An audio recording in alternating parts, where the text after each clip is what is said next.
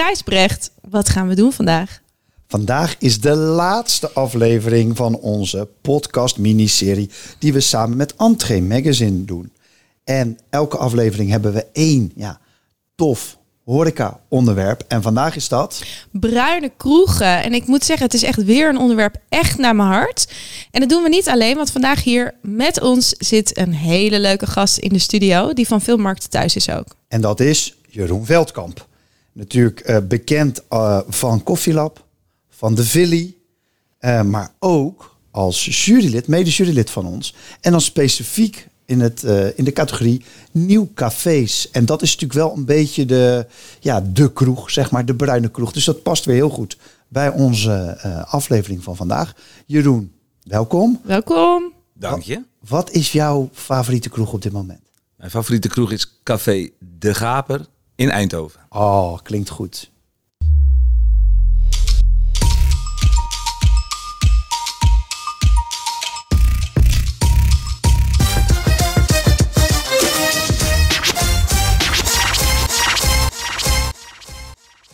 In het kader van de Entree Awards 2023 werkt Backlekker samen met Entree Magazine, het mediamerk voor horeca professionals. Hey, in de vorige afleveringen zijn we steeds begonnen met een lekker en persoonlijk verhaal. Uh, ga ik ook persoonlijk erg lekker op. Uh, Jeroen, jij bent uh, twee keer Nederlands kampioen barista geweest. Je bent heel bekend in de koffiewereld. En ik hoorde dat jij hebt leren koffie zetten in de kroeg. En volgens mij heb je daar een mooi verhaal bij. Klopt. Ja, dat was in de, ik, ik ben natuurlijk al van een bepaalde generatie, hè, zou ik maar zeggen. Dus ik heb de pionierstijd nog meegemaakt toen er geen Instagram en geen YouTube was. Dus we moesten het gewoon zelf uitvogelen allemaal. En wij, ik werkte in een café in Enkhuizen, de Enkhuizer heette dat. En er stond al een espresso machine, dat was nog ver voor 2000. En er was toen een, een koffieleverancier, die heette Fred. En die had ergens gezien dat als je een koffiemachine schoonmaakte dat de koffie dan lekkerder werd. Dus wij begonnen met die machine schoon te maken. En zo heb ik uh, ja, eigenlijk die koffiemachine leren doorgronden. En dat is eigenlijk wel de start geweest van mijn, uh, van mijn liefde voor koffie. Ja. Dus daar begonnen, in de kroeg. En uh, wat heb je onthouden, nog meer onthouden aan die kroeg? Ja, nou, een heel mooi verhaal. En dat is denk ik geldt dat voor meerdere kroegen. Dat, we hadden natuurlijk nog helemaal geen kassasysteem of wat dan ook. Je had gewoon van die Amstel bonnetjes of Heineken. En uh, je ging niet aan elke gast vragen, wat is uw naam of zo. Dus dan, uh, dan... Starbucks bestond nog niet. Nee, nee, nee. nee. dus wat we deden is gewoon uh, ja, hoe je die persoon zag. Of een aanname ervan. Dat schreef je op een briefje. En soms was dat man met baard of vrouw met tas. En heel af en toe was gewoon uh, ook. Ik dacht dat je iets heel anders ging zeggen. Nou, een vrouw met. ook. Uh, keurig, maar er waren ook irritante gasten. En dan was het gewoon eikel rood jasje, weet je wel. Ja, ja, ja. En het werd dus echt interessant als die man, desbetreffende man, dan wilde afrekenen bij jouw collega. En die moest dan het bonnetje zoeken. en dan werd er soms. Bent u dit eikel rood jasje? dus dat, dat, maar dat persoonlijke, dat echte, dat authentieke, ja, dat, dat, uh, daar heb ik altijd overgehouden aan mijn kroegenervaringen. Oh, wat heerlijk. hey Gijsbrecht, ik ben met jou echt op heel veel plekken geweest. Maar volgens mij hebben wij nooit echt samen in de bruine kroeg gestaan. Nee, dat klopt wel. Wij zijn natuurlijk vooral altijd samen op pad richting uh, de restobars. Um, in Rotterdam beland ik nog wel eens in een bruine kroeg hoor. Maar dat is toch wel vaak um, ja, als, ik, uh, als ik iets niet gepland heb, zeg maar. Dus ik ben in een wijk waar ik, nou ik zou niet zeggen de weg niet zo goed ken, maar waar ik even denk van ik zit nog tussen twee andere dingen. Denk, oh, even de kroeg in. Dus dat is een beetje mijn uh, hm. kroegverhaal. En dan geef ik nog een keer uh, het woord heel graag aan Jeroen. Want Jeroen, jij had ook nog een lekker verhaal over dat je laatst in Rotterdam uh, de kroeg in ging om wijn te drinken. Nou, ik belandde bij uh, iets wat eruit ziet als een kroeg. En heel Rotterdam kent het, maar ik kende het helemaal niet. Dat is restaurant De Pijp, heet het. Maar het, als je binnenkomt, ziet het bruinere kroeg kun je niet vinden, denk ik. Bruiner het is bruin. er ook echt bruin. Ja. Het is donker. En wat ik Ja. daar vooral eh, heel mooi vond, is uh, het voelde als, alsof je een ouderwetse herberg inkwam. Met een herbergier, dat was dan de eigenaar, die stond bij de deur. En die had dan een paar andere, dit, in dit geval allemaal jongens met mooie witte jasjes met zijn overslag. En die, die zagen er ook uit als Rotterdammers, met de mouwen opgestroopt. En we gingen zitten. En toen, toen kwam eh, de, een zo'n Rotterdamse ober naar ons toe. En ik ga het proberen op zijn Rotterdams Gijsbrecht uh, verbeteren, als ik het niet goed doe. Maar die zei, uh, lust de heer al wat te drinken? waarop, ik, waarop ik zei, ja, nou doe mij maar een wijntje. En hij reageerde meteen, hebt u al over de kleur nagedacht? Ja, toen dacht ik, ah, hey, zo dan lekker. was je Ja. in één keer gewoon helemaal thuis. En Ja, dat is dan volgens mij precies de essentie van de bruine kroeg. Dat je er Oh. gewoon in een split second ben je thuis of niet. Ja, ja wat mooi gezegd ook. Niet vergeten. Nou, dat is al de eerste tip. Op het einde komen we ook volop eh, terug op tips. Ja, ik, eh, ik, ik hoor wat je zegt. Ik, ik, ik denk wel eens in hart en nieren ben ik echt een enorme boomer. Ik hou zo van de bruine kroeg. Het kan me ook niet bruin genoeg zijn. Weet je wel, doe mij gewoon echt eh, de tapijtjes op tafel, et cetera. Maakt mij al- altijd belachelijk dat ik al een jaar lang allemaal trends zie in hele oude lullendrankjes, zoals advocaat. De, nou, de sangria vond jij ook uit dat rijtje. Maar ehm, eh, ik kan iedereen aanraden, luister nog even aflevering 19 van Back Lekker de podcast. Want daar hebben we het ook uitgebreid gehad over helaas ook het verdwijnen van de bruine kroeg. En ook mijn liefde voor onder andere Café de Amstel in, eh, in de Amsterdamse rivierenbuurt. Hey Gijsbrecht, we weten allemaal eh, dat er een enorm personeelstekort is in de horeca. Maar wist jij dat er een paar plekken op de wereld zijn dat ook al zou je er willen werken, dat die kans heel klein is of dat het überhaupt niet kan? Ehm, op Antarctica of zo? Ja, heel warm en koud. Eh, allereerst de Vaticaanstad, het kleinste land ter wereld. En inderdaad, op Antarctica heb je één super deluxe hotel resort. Eh, en die zijn alleen open in eh, november en december. Dus die zitten eigenlijk altijd wel goed qua personeel. Maar, laten we eerlijk zijn, in Nederland kunnen de meeste ondernemers wel wat support gebruiken vanwege hun grote druk op mensen. Dus deze aflevering wordt mede mogelijk gemaakt door Colibri HRM, de pedelspecialist voor de horeca. Colibri is marktleider en jouw betrouwbare partner voor al je personeelszaken. Kies dus voor tijd en geld besparen. Kijk op colibri.nl. Hey Gijsbrecht, wat maakt nou dat wij het toch weer over die bruine kroeg hebben nu? Want het gaat ook een beetje over trends en ontwikkelingen in de horeca. Neem jij onze luisteraars even mee? Ja, dus kijk, de bruine kroeg is natuurlijk bruin vanwege het supergelakte hout. Hè. Dat is natuurlijk de, het verhaal daarachter. En dat is eigenlijk een beetje de horeca van, nou, laten we zeggen, midden vorige eeuw. Hè. Daar voelt het heel erg bij. Heel erg in de buurt verankerd. Heel erg eh, in de dag verankerd ook. Hè. Vaak eind van de dag loop je er even langs. En eh, dat type horeca, daar, daar, daar komen we helemaal niet. We even gaan 7, 8, 9 keer per dag halen we ergens iets te eten of te drinken in plaats van één keer per dag. Dus, dus, dus je bent het een beetje kwijt. Maar dat mooie van die kroeg, dat, dat, dat, dat, hè, dat zit voor mij niet in, in die perstepijtjes waar je het over hebt of in het bruine van die kroeg. Maar dat zit veel meer in de plek die het heeft in de buurt. En, de, en misschien nog wel meer. En daarom raken we misschien ook een beetje kwijt. In die ene man, soms vrouw, die achter de Ja. bar staat. En die er eigenlijk altijd is. En die iedereen kent. En in het geweld van de 24-7 horeca waar we nu in zitten. En alle prijzen van hè, de, de inflatie, weet ik van, is dat bijna niet meer vol te houden. En deze mensen worden ook gewoon ouder. Die Ja. gaan met pensioen. Ja. Dus dat is een beetje de situatie. Ja, voor mij is de bruine kroeg ook wel de ultieme ontmoetingsplek voor meerdere leeftijden. Dat is ook best uniek tegenwoordig in de horeca, want de horeca is toch ook wel veel niche en denk ik ook heel veel gericht op jonge doelgroepen. Ehm, ja, naast dat we het er nu over hebben, is het ook wel een gegeven dat we eigenlijk vaker zouden moeten gaan. Als we niet willen dat die bruine kroeg uit het eh, straatbeeld verdwijnt. Want dat gebeurt wel een beetje. En steeds vaker komen ook, eh, hè, als er een kroeg verdwijnt, komt er ook wel vaak een beetje de betere hippe koffiezaak voor terug. Jij zei het ook al, Gijsbrecht, je merkt echt wel een shift in. Eh, ik denk 50 jaar geleden zaten we vooral s'avonds in de kroeg of een keer in een restaurant, tegenwoordig de hele dag. Jeroen, jij bent ook horecaondernemer met eh de Villy en, eh, en jouw vijf vestigingen van de Koffielab. Wij waren ook wel nieuwsgierig. Heb jij een aandeel hierin? dat die bruine kroeg verdwijnt voor de hippe koffiebar?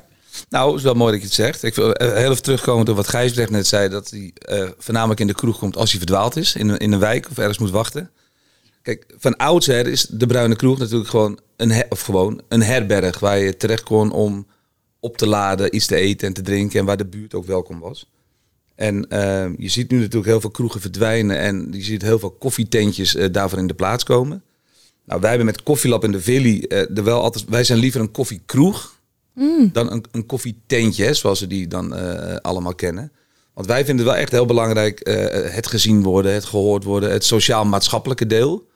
Dat is niet iets waar je per definitie als horecaondernemer veel omzet of, of geld mee kan verdienen. Maar het is wel mega belangrijk, want eenzaamheid ligt gewoon op de loer. Dus de kroeg is gewoon, moet een veilige plek zijn waar je, eh, waar je makkelijk terecht kan.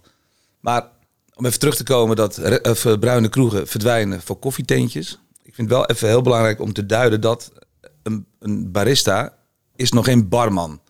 En dat bedoel ik met alle respect voor ons vak. Maar we zijn allemaal heel goed met, met koffie maken en dat soort dingen. Maar mensen aankijken, een vraag stellen. Hoe is het met je eh, bet- betrokkenheid tonen en dat soort dingen. Dat is gewoon een ander ambacht, zeg maar. Wat, wat gewoon die barmannen vroeger hadden. En waar wij ons nu eh, eh, druk maken over loyalty systemen. Ja, ik vond vroeger kon je gewoon iets laten opschrijven in de kroeg. En dan kwam je volgende week wel een keer betalen. Ja. Dat ik denk een mooie loyalty systeem als dat is er niet. Want dat was gewoon een, een meegereden om weer terug te komen. En om weer wat te bestellen als je... En nu hebben we bijvoorbeeld Café Sospeso. Dat is dan uitgestelde Ja. koffie. Ja, vroeger was nu, nu is het een systeem, maar vroeger was het er gewoon.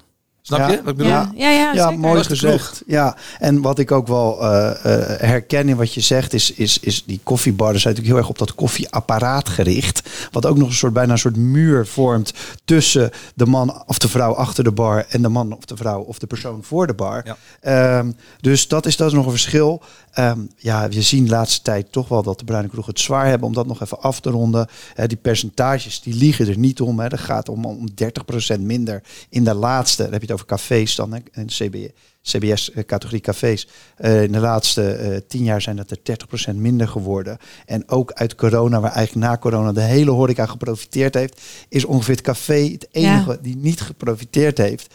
Omdat de bierprijzen, ze verkopen eigenlijk alleen maar bier. Bierprijzen enorm omhoog gegaan zijn. En omdat we eigenlijk, en zeker dit jaar, gewoon een slechte lente en een slechte zomer gehad hebben. Dus ook nog eens een keer op, een- op, op het terras heel weinig verkocht is. Ja. ja, er is een gemeenteraadslid in Amsterdam die er dus voor pleit dat die bruine kroeg op eh, de werelderfgoedlijst van UNESCO komt. Net als het worstenbroodje uit Brabant. Nou, het lijkt me een heel goede. ja, ik ben best wel voor. Ja, ik ben- het, heeft, het heeft iets romantisch natuurlijk, maar daar ben ik niet vies van. Dus, eh. Hey, vroeger had die kroeg, we hebben het er net al best wel mooi over gehad, echt een eh, belangrijke functie in de maatschappij, een hele sociale functie. Ik denk dan dus ook wel meteen aan van die mannen die allemaal terugkomen uit de staalfabriek of zo. Ja, ja, dank je. En dan onderweg naar huis bier gaan drinken in het café. Ja. Nou, nu werken we, eh ik zelf ben er ook debet aan, eh, halve dagen met een laptop in een koffiebar. Eh, het, het café is niet meer voor veel mensen een dagelijkse ontmoetingsplek, toch? Nee, ja, zowel qua plaats als qua tijd is het café een beetje zijn plek verloren. Ehm, en daardoor zijn er dus ook veel minder kroegen. Maar ik kan me voorstellen, eh, eh, jij zit ook in die jury, Jeroen, hè, van die nieuw café, best nieuw café. Jij ziet een hoop natuurlijk. En je ziet ook dat het niet alleen maar ellende en achteruitgang is, maar ook gewoon er gebeuren een hoop nieuwe dingen. Wat is jou opgevallen? Vorig jaar misschien ook wel een stukje dit jaar in het jureren. Vorig jaar was de categorie Best Nieuw Café voor het eerst. En eh, toen hebben we echt geweldige dingen gezien. Je ziet nog steeds bruine kroegen zoals ze vroeger waren. Alleen de, de, de old school kroegbaas die ging 's ochtends open en s'avonds weer dicht. En wat er tussendoor binnenkwam, dat was meegenomen. En nu zie je wel steeds meer ondernemers die gewoon een strak plan hebben. Een ondernemersplan, een duidelijke visie en een duidelijke missie. Ehm, je ziet heel veel kwaliteit. Alles is kwaliteit. Dus het bier is geweldig gekozen, dat ten eerste. En ook nog eens geweldig eh, getapt, dan wel uitgeserveerd. Eh, er worden in, in alles worden echt geweldige keuzes gemaakt. En eh, er wordt heel veel geprogrammeerd tegenwoordig in kroegen. Dus eh, ze halen je bijna je huis uit van... Hey, kom naar ons, want we doen een schaaktoernooi op zondagochtend. Want we doen een pubquiz. Pubquiz, want ja. we doen... eh, en ja, en jij Gijs, jij studeert nu natuurlijk de, de gastrobars. En Ja, ja, ik vind het geweldig om te zien dat... Bijvoorbeeld neem een Test Postumus, we zitten hier in Amsterdam. Ja. Die, die bouwen een kroeg om, wat voelt als een bruine kroeg. Mm. Maar waar de cocktails en de drankjes en de dingen gewoon optimaal zijn. Dus die zoeken een soort bijpas in cocktails. Anderen eh, zoeken een bijpas in geweldig eten. Dus Ja. ja, dat worden wat volwassenere zaken. En het hoogtepunt van vorig jaar vond ik wel de dakduif. Ja? Dat is hier in Amsterdam. Op de Albert Kuip, naast het beeld van André Hazes. Hebben ze een, eh, een bruin kroegje eh, helemaal licht gemaakt. Heel veel ramen. Dus het, het, voelt als een bruine kroeg. Maar het is een mega licht en dus veilig. Dus komen er de dames alleen. En vriendinnengroepjes komen er ook heel graag. Er staan heel veel spelletjes. En die ondernemers daar, die hebben... eh, ja, ik kom zo meteen in mijn tip op de ultieme eh, wat ik daar gezien heb. Maar die, die maken allemaal eigen keuzes. Dus alles wat ze in hun café serveren, dat, dat eh, vinden ze thuis ook lekker. Bijvoorbeeld slow escargots op, eh curry, Oh. op curry zout. Oh, In een en bruine in kroeg. kroeg. Ja, In een bruine kroeg, ja. Leuk. Oh, I love it. Ja, dus ik denk dat we wel kunnen zeggen, als ik je zo even mag samenvatten, van hè, we, we concluderen dat die bruine kroeg in ieder dorp of in de stad, op iedere hoek van de straat of in iedere buurt, die sterft toch wel een beetje uit of die heeft het zwaar. Maar er staat toch een nieuwe generatie op van eh, andere soorten cafés. Ehm, ja, Gijsbrecht, jij, jij en ik hebben hier heel mooi over gefantaseerd. Wij zeiden ook wat tegen elkaar. Die bruine kroeg heeft ook nog een echt een belangrijke functie voor de rest van de horeca. Ja, ik, eh, vroeger had je zo'n mooie uitdrukking van het is Haarlemmer olie. Weet je wel, het verbindt eigenlijk alles. Ja. Hè, het is, eh, je gaat uit, eh, je komt uit je, eh, je, je koffietentje en je hebt een afspraak bij, bij een restaurant. Eventjes twee biertjes in de kroeg, weet je wel. Of je komt je restaurant uit, je wil misschien de club nog in. Oh ja, heerlijk om even een, om daar nog even een pilsje of een jenevertje te pakken en door. En ik denk dat die plek, die is wel essentieel en die moet ook niet verloren gaan wat mij betreft. Ja, ik vind het ook mooi. Ik heb eh, een jaar in Zwolle gewoond. En ik heb toch het idee dat daar ook een deel van de bruine kroegen echt floreren. Juist door de libreien. Dat je soms eh, had je mensen die urenlang zitten te lunchen. En dan na die acht gangen lunch, het enige wat je eigenlijk nog wil, is gewoon een goed getapt biertje. Met een bitterbal dan op een gegeven moment. Deze aflevering wordt mede mogelijk gemaakt door Coppa Cocktails. Premium cocktails, makkelijk te serveren. Bijvoorbeeld hun bestseller, de Mojito. Coppa Cocktails, world's best cocktails. Just add ice. Ga naar coppacocktails.com. En door Temper. Freelance professionals vinden wanneer jij ze nodig hebt. Je vindt ze op Temper. Kies zelf uit duizenden goede mensen op basis van hun ratings en skills. Of je nou één of 100 mensen zoekt of freelancers voor één shift of vaker. Je vindt ze vanaf 17,90 euro per uur op Temper. Jongens, even een blik op de toekomst. Ehm, ik vond het mooi, Jeroen, jij noemde hem net ook al. Mijn gevoel is eigenlijk dat de, de winnaars van de toekomst en die ondernemers, dat die er ook heel goed over na moeten denken van, word ik wat meer een all-day zaak? En welke functie speelt ook eten in het café?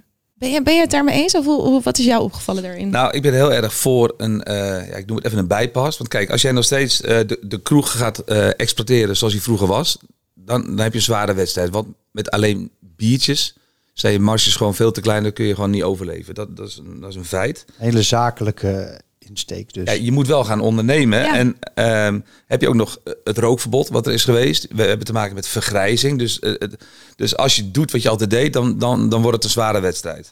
Wil je de andere generatie binnenkrijgen? Want de behoefte aan de kroeg, jij zei het al maatje, die, die is er gewoon. Hè, eenzaamheid ligt echt op de loer. Ja. Dat merken wij bij onze zaken ook. Dat mensen gewoon een plek zoeken om gezien en gehoord te worden.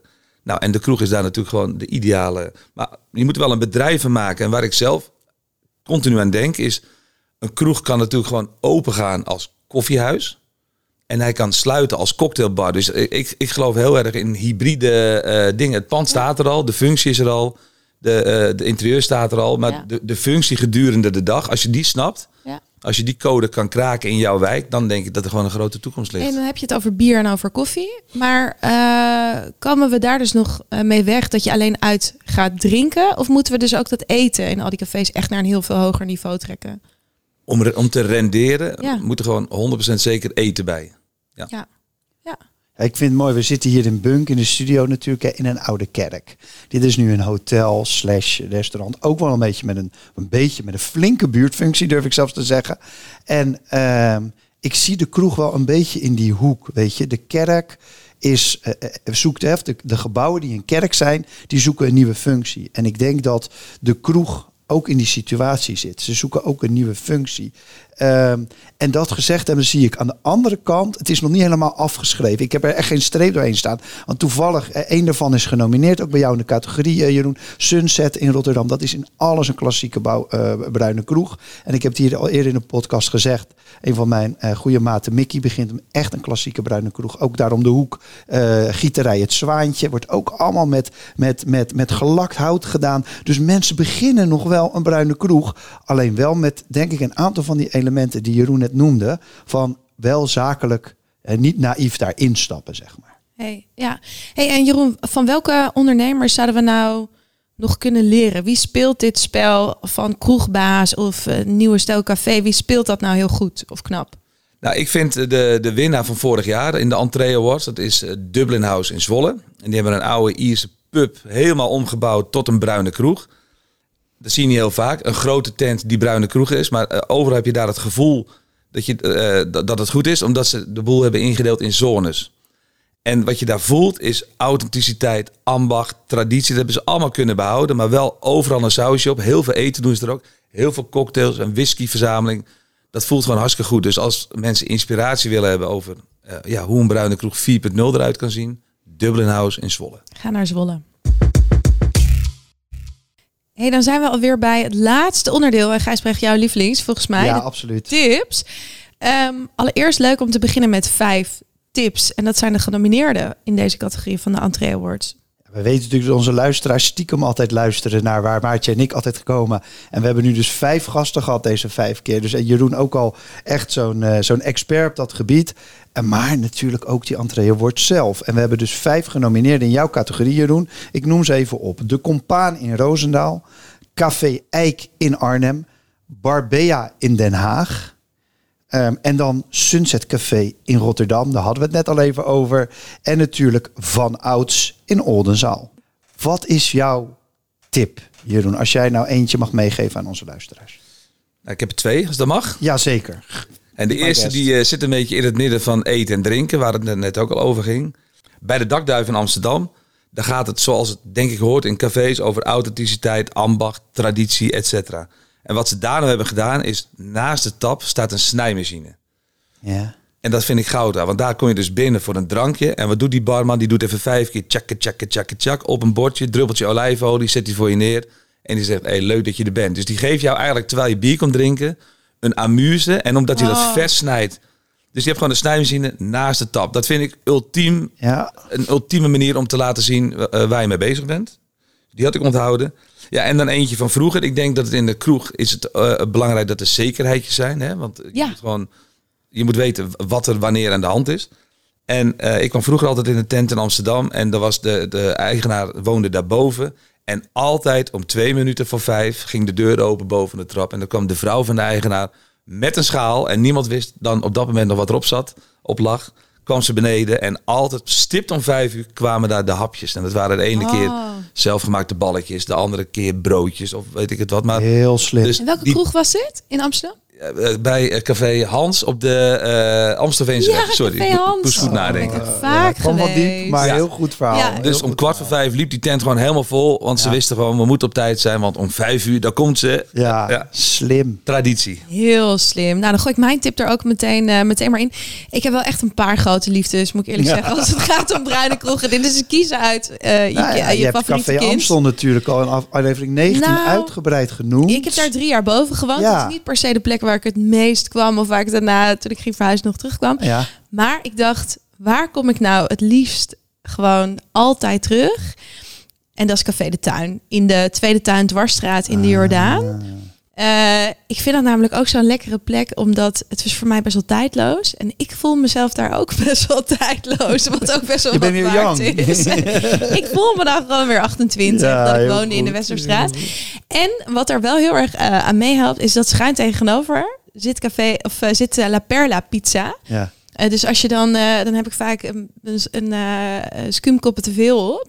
En dan kan je gewoon even aan de overkant een pizzaatje halen, dubbel vouwen en dan op dat stoepje opeten. En dan weer terug de kroeg oh, in. nou, dan ben ik zo gelukkig. Lekker. En Nou, jij? ik zal even wat Rotterdams geweld tegen al deze Amsterdamse Ja. klassiekers ingooien. Ik doe het op een eh, Amsterdamse manier, want ik zeg al het meest Rotterdam, Amsterdamse stukje Rotterdam is Delfshaven. Hè, dat haventje zo helemaal uit, eh, uit eh, vele eeuwen terug. En daar precies op de kop zitten er twee naast elkaar, Café de Ooievaar en Oud Sluis. Eh, sorry, Sluis, eh, Café Sluis, Oud Sluis, nou, ik er vanaf zijn. En die twee bij elkaar met een terrasje over de Delfshaven zelf zijn klassieker dan klassieke bruine kroegen. En daar moet je echt langs als je keer in Rotterdam, eh, als je Rotterdammer bent of als je keer in Rotterdam bent. Dankjewel Jeroen. Superleuk dat je te gast wou zijn. En Faisal voor de productie. Vond jij dit een leuke podcast? Stuur hem dan zeker door naar een van je vrienden. en rate ons in je favoriete podcast app. Dit was alweer de laatste van onze miniserie samen met Entree Magazine. Luister vooral de rest terug en tot een volgende reguliere aflevering. Tot dan! Tot dan.